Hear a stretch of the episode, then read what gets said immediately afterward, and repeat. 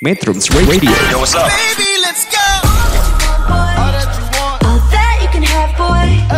Got me spread like a buffet. Bon night. Now they always say congratulations. Come and strip that down for me. I'm on my way. Girl, come and strip that down for me. Yeah, yeah, yeah, yeah. Metrums Radio, media terintegrasi kaum muda.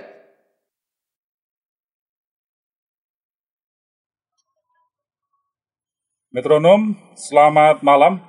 Berjumpa kembali di acara Arah Pandang, Bincang Ideologi dan Politik Internasional, edisi Kamis, tanggal 17 September 2020, dari radio online Metrum Bandung di bilangan Jati Handap Bandung. Pada edisi kali ini, Metronom selama kurang lebih sejam ke depan akan bersama saya, Desmond, dan seorang akademisi hubungan internasional dari Universitas Komputer Indonesia, Saudara Wim Tohari Danialdi. Eh, selain itu, beliau juga aktif sebagai eh, pegiat eh, aktivis intelektual di Forum Studi Asia Afrika yang bernaung di Sahabat Museum Konferensi Asia Afrika Bandung. Metronom, dalam kesempatan ini Eh, saya panggil Bung Wim Tohari Dani Aldi sebagai Bung Aldi saja malam ini akan membawakan sebuah topik yang berjudul menjadi bangsa bahari. Topik ini secara umum nanti akan dikupas oleh Bung Aldi. Silakan Bung Aldi, apa kabar?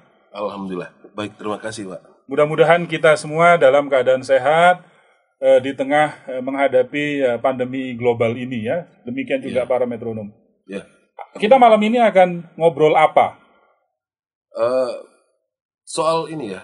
Menjadi bangsa. Bahari. Mengapa Anda mengusulkan menjadi bangsa bahari sebagai topik yang layak untuk di, di- diperbincangkan dalam acara ini? Ya, karena karena itu identitas kita ya. Karena itu adalah identitas kita yang sesungguhnya. Jadi kalau misalnya kita bayangkan dalam sebuah kaidah logika itu ada apa eh, ada genus dan ada diferensia itu syarat sebuah definisi maka Indonesia itu apa laut itu adalah diferensianya gitu. Jadi kan sebuah definisi kan tidak mungkin terjadi tanpa ada genus dan diferensia. Jadi ini benda ini apa itu bang Indonesia adalah sebuah negara. Nah apa yang membuat dia berbeda dari negara lain? Diferensianya adalah lautnya. Ya. gitu. Itu sebabnya ini menjadi penting untuk kita bicarakan. Karena belakangan saya ya mungkin subjektif saya saya melihat ini agak agak asing di tengah kita. Bahkan paradigma yang digunakan oleh eh, negara ini pun dalam mem- apa namanya merawat eh, bangsa ini pun sepertinya agak sudah mulai agak jauh ya memungkingi lautan ya. Baik. gitu salah satunya. Jadi eh, saya agak tertarik untuk membahas ini gitu. Jadi pertama adalah ini eh, merupakan bagian dari identitas kita sebagai sebuah bangsa. Dan yang kedua adalah eh, ini adalah realita yang mungkin bisa dikatakan kita telah memunggungi dalam istilah eh, baru-baru ini sering digunakan memunggungi laut. Betul. Saya saya sering meng, apa, eh, mengumpamakannya itu dengan eh, elang yang menjadi bebek. Itu. Jadi jadi mungkin saya bisa mengumpamakan bahwa selama ini kita tuh mungkin menjadi bebek tapi padahal eh, ke mengapa kita kok negara sebesar ini kok kita nggak punya A, nggak punya B, nggak bisa A, nggak bisa B. Sama seperti dengan elang. Pada waktu dia menjadi bebek misalnya, Kenapa dia bodoh sekali kok nggak bisa menangkap cacing? Kenapa kok dia jalan tersiok-siok karena apa sayapnya itu kena lumpur lain sebagainya? Saya membayangkan seperti itu. Karena identitasnya tidak dipahami oleh dia. Atau jangan-jangan eh, kita ini eh, terisolasi pada keadaan realita yang sebenarnya sebagai sebuah bangsa yang bahari, tapi kita tidak berpikir layaknya sebagai sebuah bangsa bahari. Iya, elang tadi dia berpikir bahwa dia itu bebek. Dan dia belajar sedemikian rupa untuk menjadi bebek. Itu elang tadi itu, dia lahir sebagai apa namanya? Dia dia apa? Dia lahir di antara kumpulan bebek, kemudian dia belajar setengah mati. Gitu. Tujuh presiden, Pak. Jangan salah. Tujuh presiden 75 tahun berdiri Itu dia berlatih untuk menjadi bebek. Dan betapa dia menjadi bebek yang sangat memalukan. Baik, tahan dulu di situ ya. Oke. Nah, nanti metronom eh, ini menarik sekali. Kita akan menganalisa mengapa menjadi bebek dan mengapa kita eh, harus mentransformasi diri supaya tidak kembali lagi menjadi bebek tetapi menjadi elang. Nanti akan lebih eh, dalam dikupas oleh Bung Aldi pada sesi kedua. Jangan ke mana-mana dulu. Nanti kita akan berjumpa kembali pada sesi kedua. Eh, metronom, saya kembali eh, tak bosan mengingatkan bahwa untuk mendengarkan siaran Radio Metrum, eh, Metronom bisa mengunduh aplikasi Android Metrum Radio di Play Store Metronom di link bit.ly slash Metrum Radio. Satu aplikasi menjelajah berbagai platform. Eh, Metronom dapat mendengarkan ulang rekaman talkshow berupa podcast di beberapa aplikasi podcast bagi pengguna perangkat Android maupun Apple. Search saja Metrum Radio. Baik Metronom, kita akan jeda sebentar dan bertemu kembali pada sesi kedua. Metrums Radio, media terintegrasi kaum muda.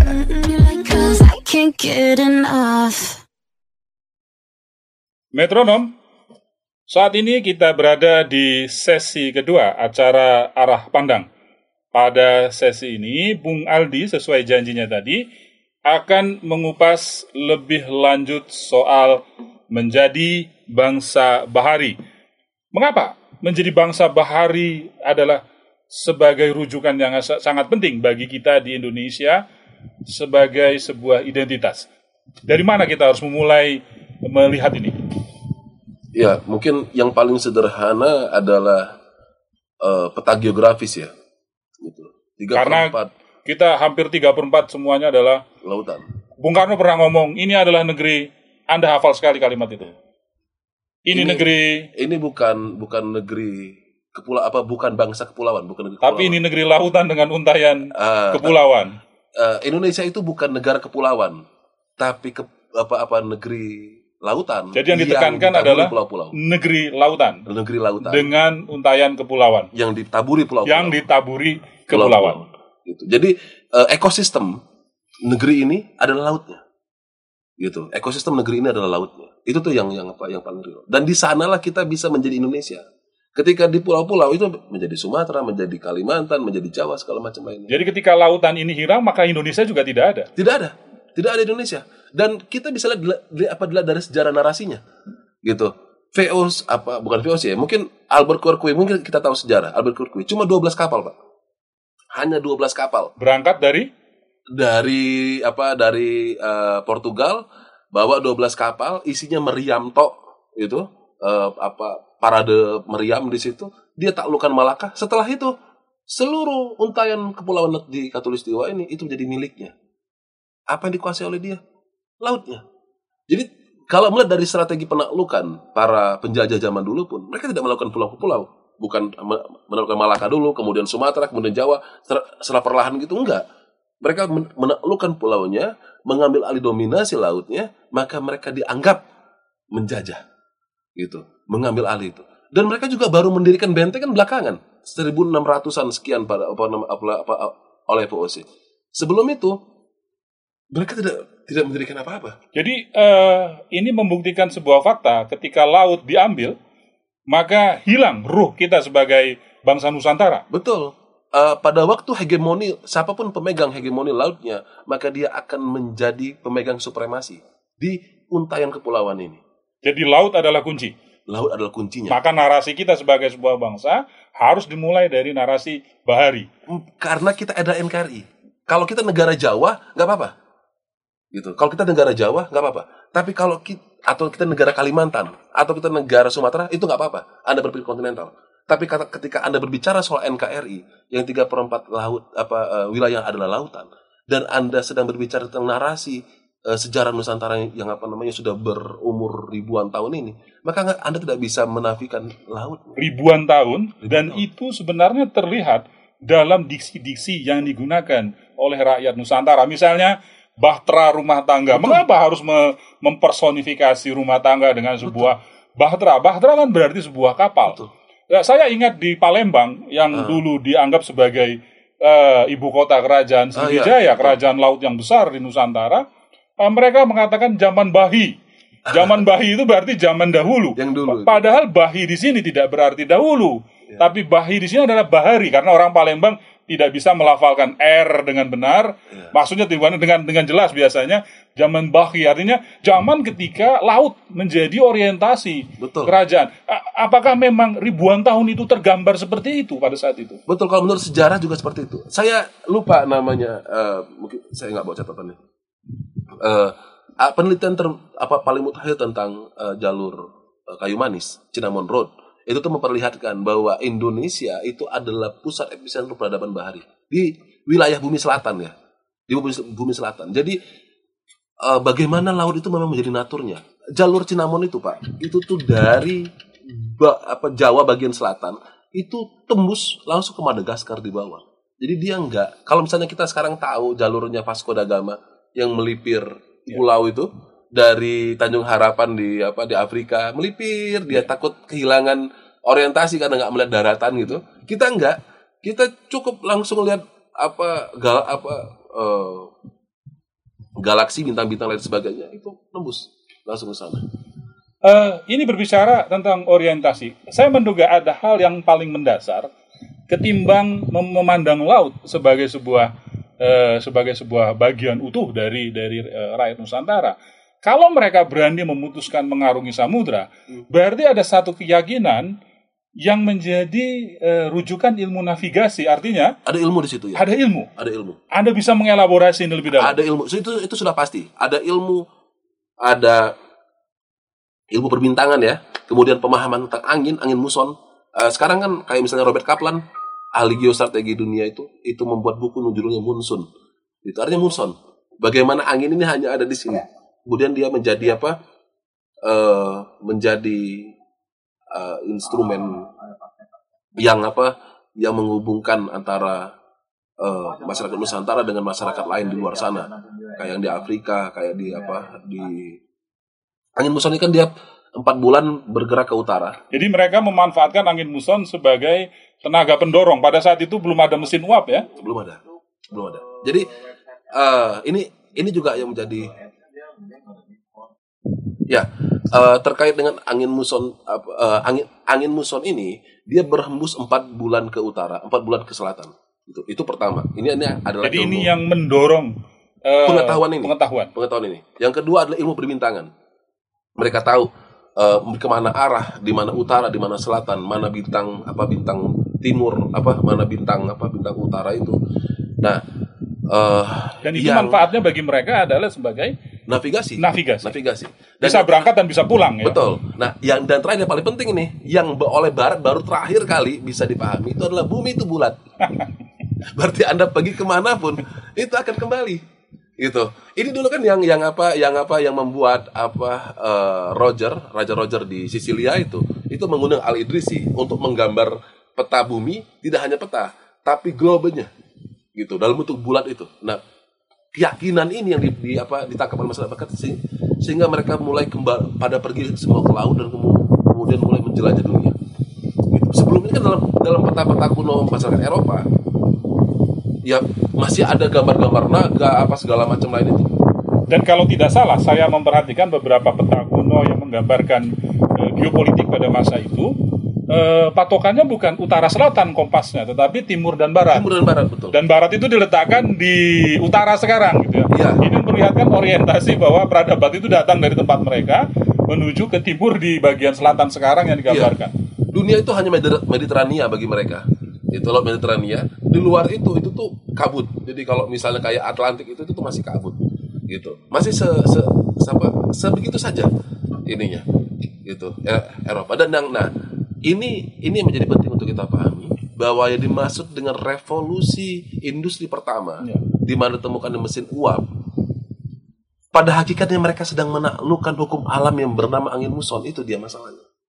Gitu. Jadi kalau anda kenapa kok kita bisa kalah di apa namanya apa apa apa apa yang sebenarnya ditaklukkan oleh revolusi industri pertama itu? Hukum alam yang bernama angin muson.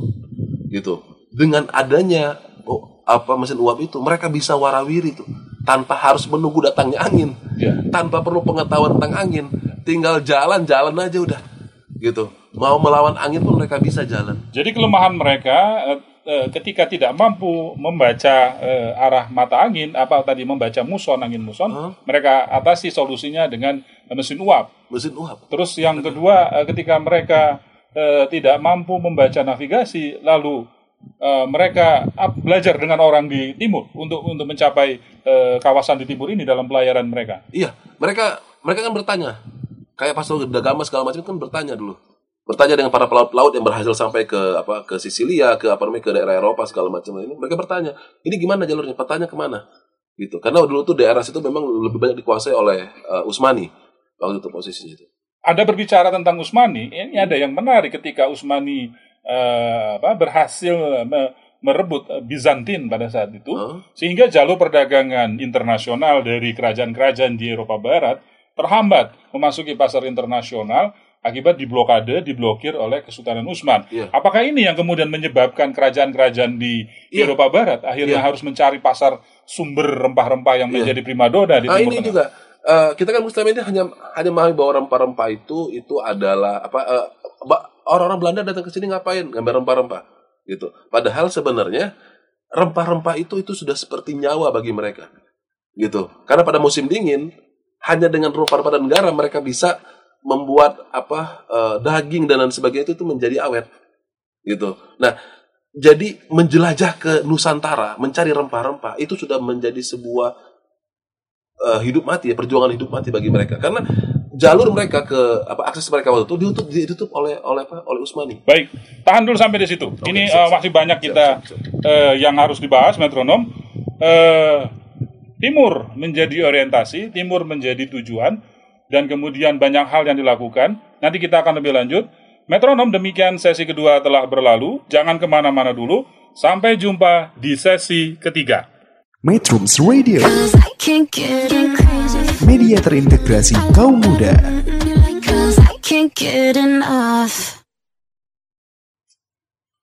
Metronom, kini kita telah berada di sesi ketiga acara arah Pan- Metronom pada sesi ketiga ini, eh, Bung Aldi berjanji kepada kita semua akan kembali menghadirkan fakta-fakta menarik terkait menjadi bangsa bahari, tetapi bergeser sedikit dari masa pra-republik dan kemudian masuk ke era republik. Tapi sebagai gambaran metronom, Mas Aldi juga, eh, Bung Aldi juga tadi eh, mengatakan bahwa pernah ada suatu fase di masa pra-republik, di masa kejayaan Nusantara, ketika era kolonialisme yang dibawa oleh eh, dampak revolusi industri pertama, telah memaksa tradisi bahari kembali masuk ke daratan sehingga menjadi tradisi agraris. Eh, Pram pernah menyinggung masalah ini dalam sebuah karya sastra yang sangat apik digambarkan oleh beliau. Kalau tidak salah judulnya Arus Balik. harus balik Ah, Bagaimana menurut Anda? ya apa yang disampaikan oleh Pram itu sangat apa sangat bisa menggambarkan apa yang terjadi pada masa itu bahkan eh beliau juga di dalam novelnya arus balik itu itu memulai itu dengan penaklukan Malaka gitu artinya Jadi Malaka Terjadi- adalah simbol ya ke, ke, kejayaan kekuasaan eh, kekuatan laut di Nusantara pada Eh, masa itu. betul. Jadi apa eh, Malaka itu membentuk kultur kultur Nusantara. Kultur Nusantara yang paling masif setelah Majapahit itu dibentuk oleh apa Malaka. Eh, di sanalah kemudian ke- mengapa bahasa Melayu itu menjadi bahasa persatuan di kawasan Nusantara ini karena eh, bahasa itu digunakan oleh Malaka sebagai lingua franca, perdagangan.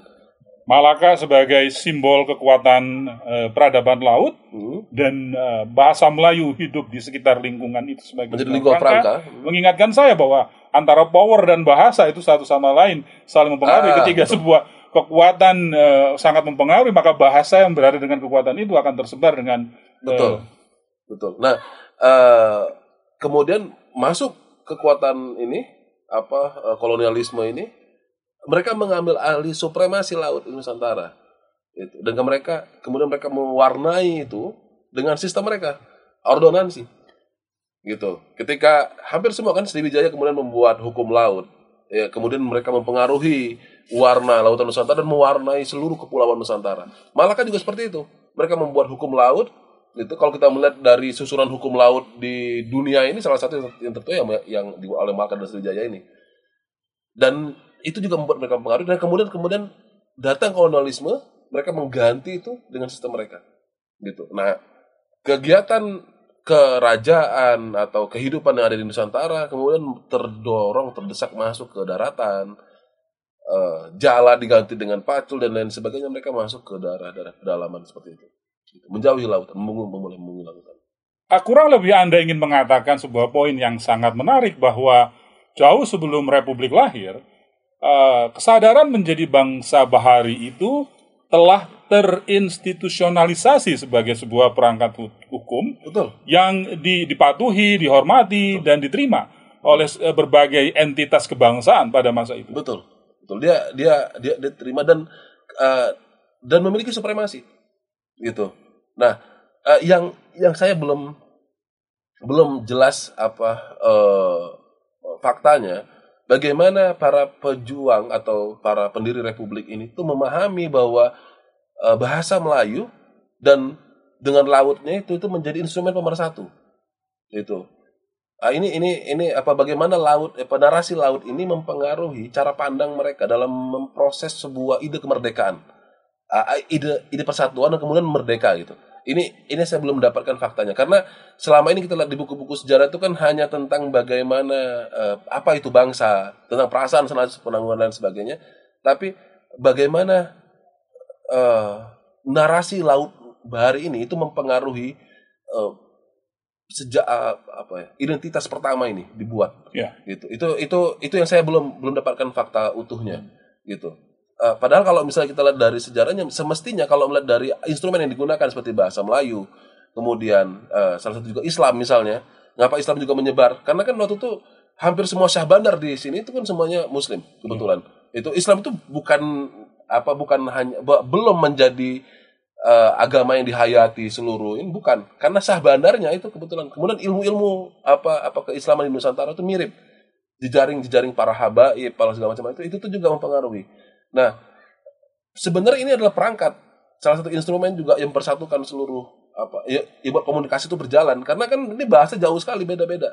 Bangsanya juga beda-beda ini eh, di apa di kepulauan ini. Dan yang persatukan itu adalah itu tadi. Jadi eh, Malaka itu meninggalkan jejak yang eh, eh, apa abadi ya di laut Nusantara ini. Dan itu dija- dengan dengan cerdik oleh para ini kita oleh para pendiri ne- negara kita itu dijadikan instrumen gitu. Perjuangan mereka untuk mempersatukan ide-ide kemerdekaan ide-ide persatuan kes- perasaan senasib sepenanggungan saya nggak tahu apakah ide itu lahir secara alamiah ataukah memang dia ber apa namanya apa eh, lahir dari cara pandang yang sama tentang bagaimana eh, Apakah Anda bermaksud ingin mengatakan bahwa apakah jangan-jangan cara berpikir, cara pandang, perspektif ini dipengaruhi oleh tradisi bahari mereka? Karena ada sebuah eh, sebuah narasi yang menarik bahwa filsafat bahari adalah filsafat yang menjadi cara berpikir rakyat Nusantara pada masa itu ribuan sungai masuk ke laut dan tidak pernah sungai-sungai itu mengotori laut.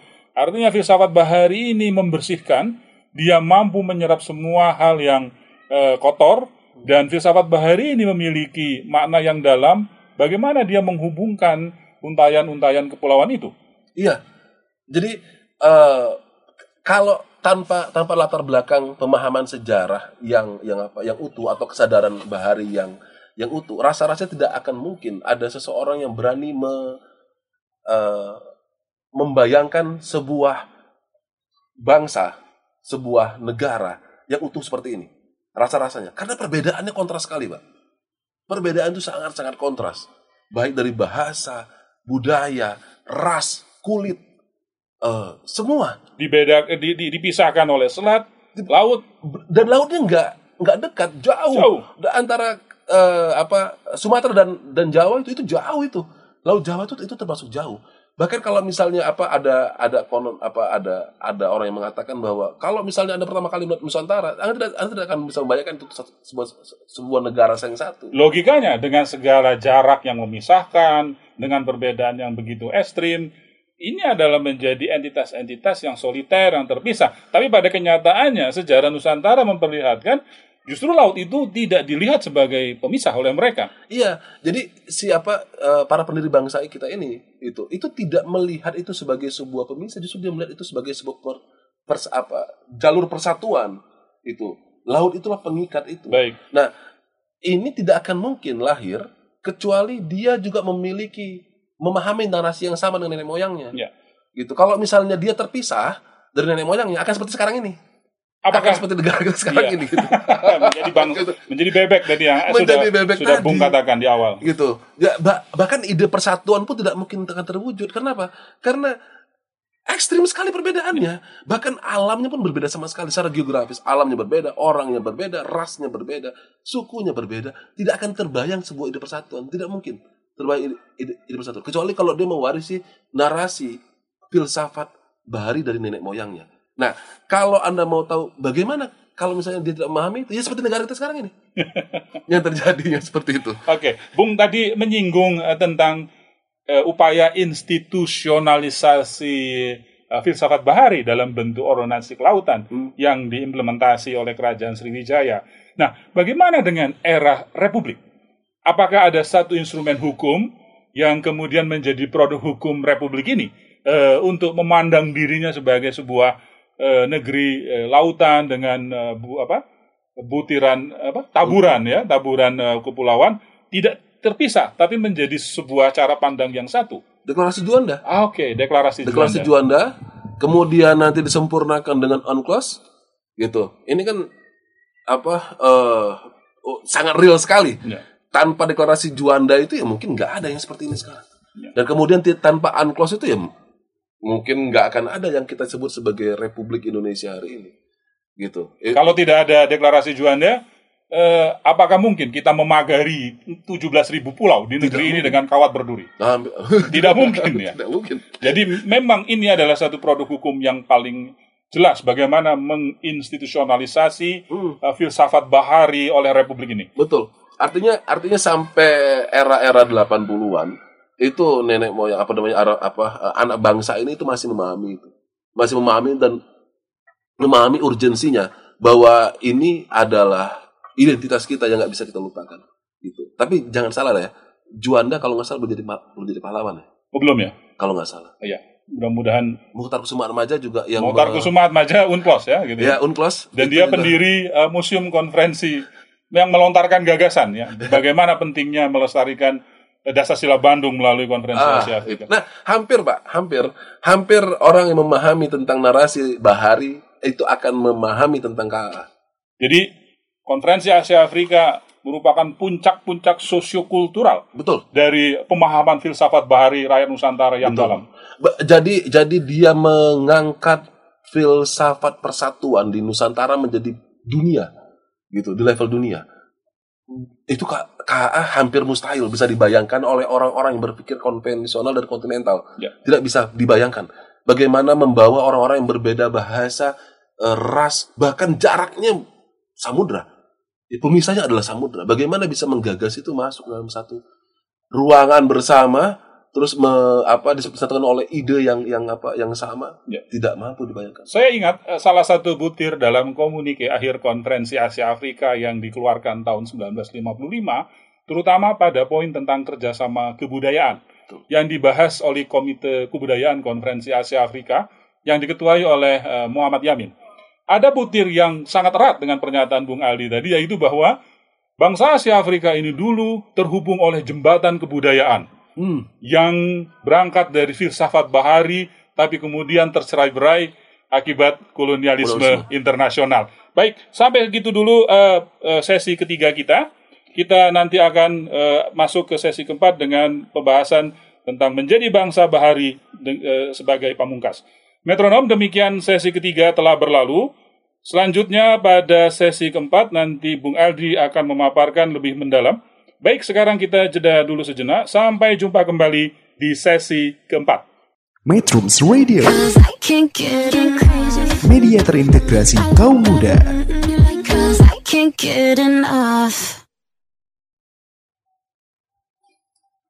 Metronom, tibalah kita di penghujung acara. Ini merupakan sesi keempat, sesi pamungkas acara arah pandang pada sesi ini Bung Aldi akan masih berbicara tentang menjadi bangsa bahari. Eh, tadi ternyata kita sudah cek ya, ternyata Pak Juanda Iya, sudah betul, jadi betul. pahlawan Mohon maaf. nasional ya tahun 1963. Betul. Ya belum Mukhtar Kusumaan Maja. Beliau masih hidup ya, Iya, apa tapi seharusnya itu mesti dipertimbangkan. dipertimbangkan. Hmm. Baik, eh, metronom. Setelah kita berbicara eh, bagaimana bangsa bahari di wilayah kepulauan Asia Tenggara di masa sebelum merkantilisme, di masa merkantilisme, kemudian di masa republik, eh, tentu ada yang menggelitik pada hari-hari sekarang ini. Relevankah kita berbicara menjadi bangsa bahari dengan realita, realita yang kita lihat sehari-hari? Misalnya, kita mengaku menjadi bangsa bahari, padahal bangsa bahari meyakini laut sebagai penghubung, tapi kebanyakan kita menganggap laut sebagai pemisah. Ini adalah kemunduran yang paling jelas. Bagaimana menjadi bangsa bahari bukan lagi menjadi identitas kita. Iya. Nah, saya yakin Bung Aldi bisa memberikan fakta-fakta paradoks lain yang memperlihatkan bagaimana menjadi bangsa bahari hari ini menjadi sebuah dilema kalau tidak mau dikatakan sebagai paradoks. Iya. Yang kalau secara material yang paling kasat mata, ironi, itu bagaimana mungkin negara dengan 3 per 4 wilayahnya adalah lautan, impor garam, Pak. Baik. Gitu. Impor garam, Anda bisa bayangkan. Gitu. Kita nggak bisa bayangkan lagi. Gitu. Gitu. Kemudian apa eh, sebuah bangsa yang eh, kalau kita melihat laut itu sebagai penghubung, gitu. Kalau kita melihat laut itu sebagai penghubung, bukan pemisah, seharusnya bangsa ini tidak rasis gitu. Kita kita sering melihat belakangan ini kita bagaimana melihat orang lain itu berbeda. Bapak perbedaan konstruksional, perbedaan wah kita nggak usah panjang lebar lah di sini mencari perbedaan tuh ada dari ujung ke ujung ini. Kita ada perbedaan bawaan alami, ada perbedaan konstruksional. Itu itu semua bisa dipecah belah gitu. Itu tuh itu tuh seharusnya nggak bisa. Karena apa? Karena secara bawaan dari bangsa ini sendiri kita memang berbeda bawaannya memang sudah berbeda. Seharusnya ini tuh tidak tidak menjadi masalah di ka- kalau lautan itu kita anggap sebagai penghubung, gitu. Tapi kalau ketika ketika kita melihat itu sebagai apa berbeda, saudara kita sebagai berbeda, itu jelas sudah terjadi sebuah pergeseran, gitu. Yang kadang-kadang kita juga, iya iya ini ini bahasa bahari, tapi padahal sebenarnya enggak, gitu. Pada kenyataannya enggak. Pada kenyataannya laut apa lautan tidak kita tidak apa tidak kita eh, kita tidak tidak sepenuhnya berdaulat seperti di laut. Itu kita bisa bayangkan kalau misalnya kita ngomong dari sisi paling konservatif aja dari dari perspektif realisme saja. Bagaimana mungkin laut yang luasnya sekitar 5 juta kilometer persegi ini itu hanya dijaga berapa butir kapal saya nyebut berapa puluh kapal perang. Disebut butir karena, Iya, karena- perbandingannya begitu Jauh. eh, kesenjangannya jauh sekali. Kalau mau dibandingkan dengan apa angkatan perang ketujuhnya Amerika yang ada di Samudra Pasifik itu ini kayak pos ronda, Pak. Anda bisa bayangkan itu selisihnya ini jauh sekali nih. Bahkan patrolinya aja nggak apa nggak nggak mencukupi. Bagaimana kita bisa menganggap bahwa ini supremasinya aja. Kemudian ke kemudian apa eh, kita kita ada apa ada tiga kalau nggak salah eh, alur laut kepulauan Indonesia dan itu semuanya kita nggak tahu ada ribuan kapal warawiri di sana. Belum lagi yang warawiri di kedalaman. Oh, udah di, di, di, di kedalaman kita ada yang sampai 6000 kilo apa 6000 meter ke apa ke bawah dan kapal perang kita bahkan radar kita pun nggak bisa sampai ke situ.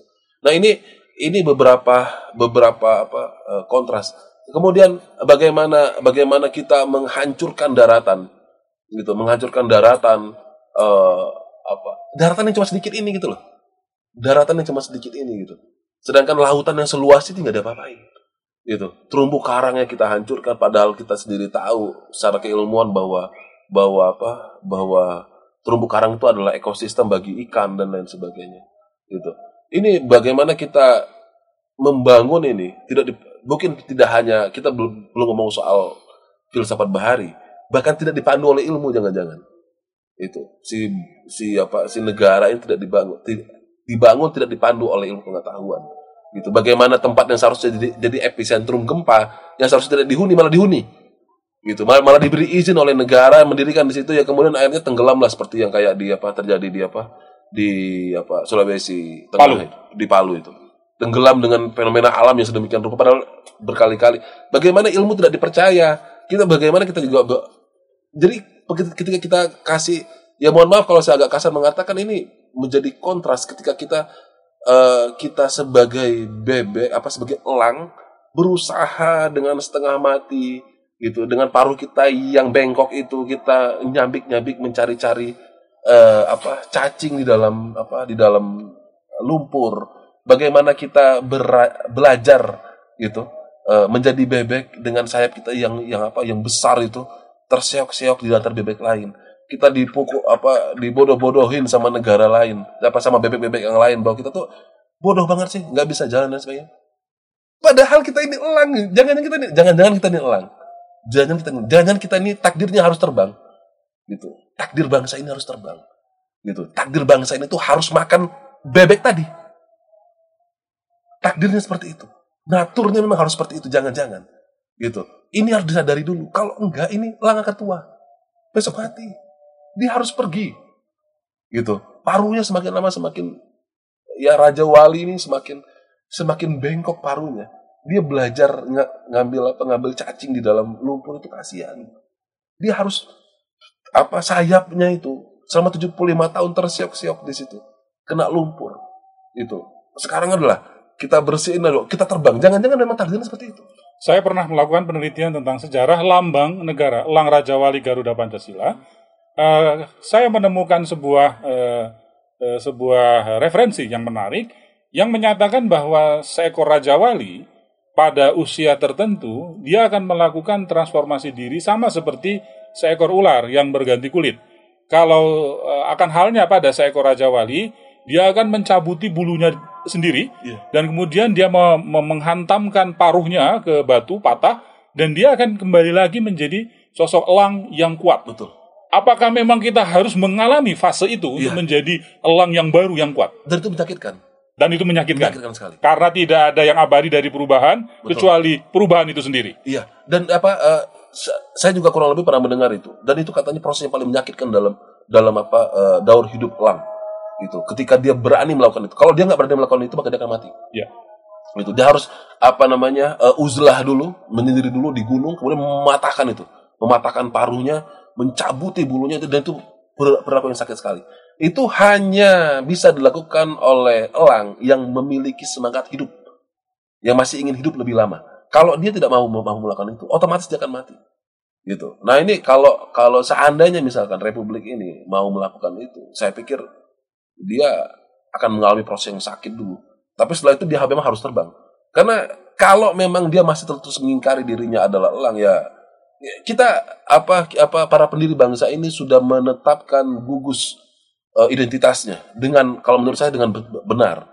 Kita memiliki lambang negara elang Raja Wali Garuda Pancasila gitu. Dengan berbagai macam filosofi dalam da- da- dalam negaranya. Lengkap sudah. Kemudian kita sudah disediakan ordonansi laut eh, apa dalam da- dalam bentuk hukumnya bahkan diakui di level internasional kita ki- kita miliki itu memang menjadi suatu yang ironis ketika anak cucunya kemudian eh, gamang atau tidak atau tidak mengakui bagaimana caranya lautan. Eh, saya bukan baru pertama kali berbicara tentang lautan ini. Bahkan di banyak tempat saya berbicara so, apa apa soal lautan. Banyak teman-teman juga yang bagaimana cara hidup di laut. Bukan hidup di laut. Ini ini ini ini tentang bagaimana memahami hal yang seperti ini aja itu sudah luar biasa. Artinya sudah betapa nelangsanya ini. Gitu. Bahkan kita tidak merasa ke, keberatan bulog kita di level negara itu mengimpor garam itu tidak ter tidak terusik harga dirinya itu minimal ke apa namanya kejanggalan itu tidak ter apakah itu tidak tidak, tidak sebuah kejanggalan gitu bagaimana sebuah negara yang apa eh, eh, daratannya sangat minim sedih seperti ini disuruh disuruh apa eh, menanam padi gitu. Impor daging. Kon negara yang yang apa yang yang seperti ini eh, konsumsi proteinnya itu dari daging sapi impor bayangkan. Padahal ikan itu bertonton ada di bawah kita. Tinggal ambil gitu. Tinggal ambil. Kita bisa bayangkan. Itu itu tuh ironi yang luar biasa pak. Setiap hari orang-orang akan antri dengan apa antri untuk mengkonsumsi daging impor. Daging impor bisa bayangkan. Gitu. Padahal l- segala macam jenis protein ikan dengan berbagai macam rasa ada di bawah sini. Jadi kesadaran yang ingin Anda dorong muncul pada masyarakat bukanlah dengan mendorong mereka untuk pergi ke kolam renang khusus berenang, Iya, tapi jauh lebih dari itu adalah membangun kesadaran yang baru. ini soal paradigma tentang pandangan hidup sebuah sebuah bangsa gitu. Pandangan hidup sebuah bangsa ini ini men-switch ini aja itu sudah mudah-mudahan sudah selesai. Saya nggak tahu apakah kita harus mulai dari sebuah negara atau bersama-sama gitu. Ya, saya nggak tahu. Itu mungkin kita serahkan aja pada para ini. Baik, baik. Eh, luar biasa sekali obrolan kita pada petang ini. Acara arah pandang, bincang ideologi dan politik internasional. Saya pikir menjadi bangsa bahari adalah bagian dari perbincangan tentang ideologi sebuah bangsa. Dalam hal ini adalah bangsa Indonesia yang rahimnya dilahirkan dari filsafat bahari. Baik, eh, metronom, demikian eh, sesi keempat telah berlalu, sesi pamungkas. Artinya perjumpaan kita juga harus diakhiri di sini. Semoga perbincangan tadi tentang menjadi bangsa bahari bermanfaat bagi metronom sekalian, terutama dalam menambah wawasan. Kami, Bung Aldi dan saya Desmond mengucapkan terima kasih atas kebersamaan metronom selama sejam berlalu. Semoga sehat selalu. Sampai jumpa kembali Kamis pekan dengan topik-topik yang menarik. Tetap stay di Metrum Radio, media terintegrasi kaum muda dalam jelajah komunitas. Selamat malam. Metrums Radio, media terintegrasi kaum muda.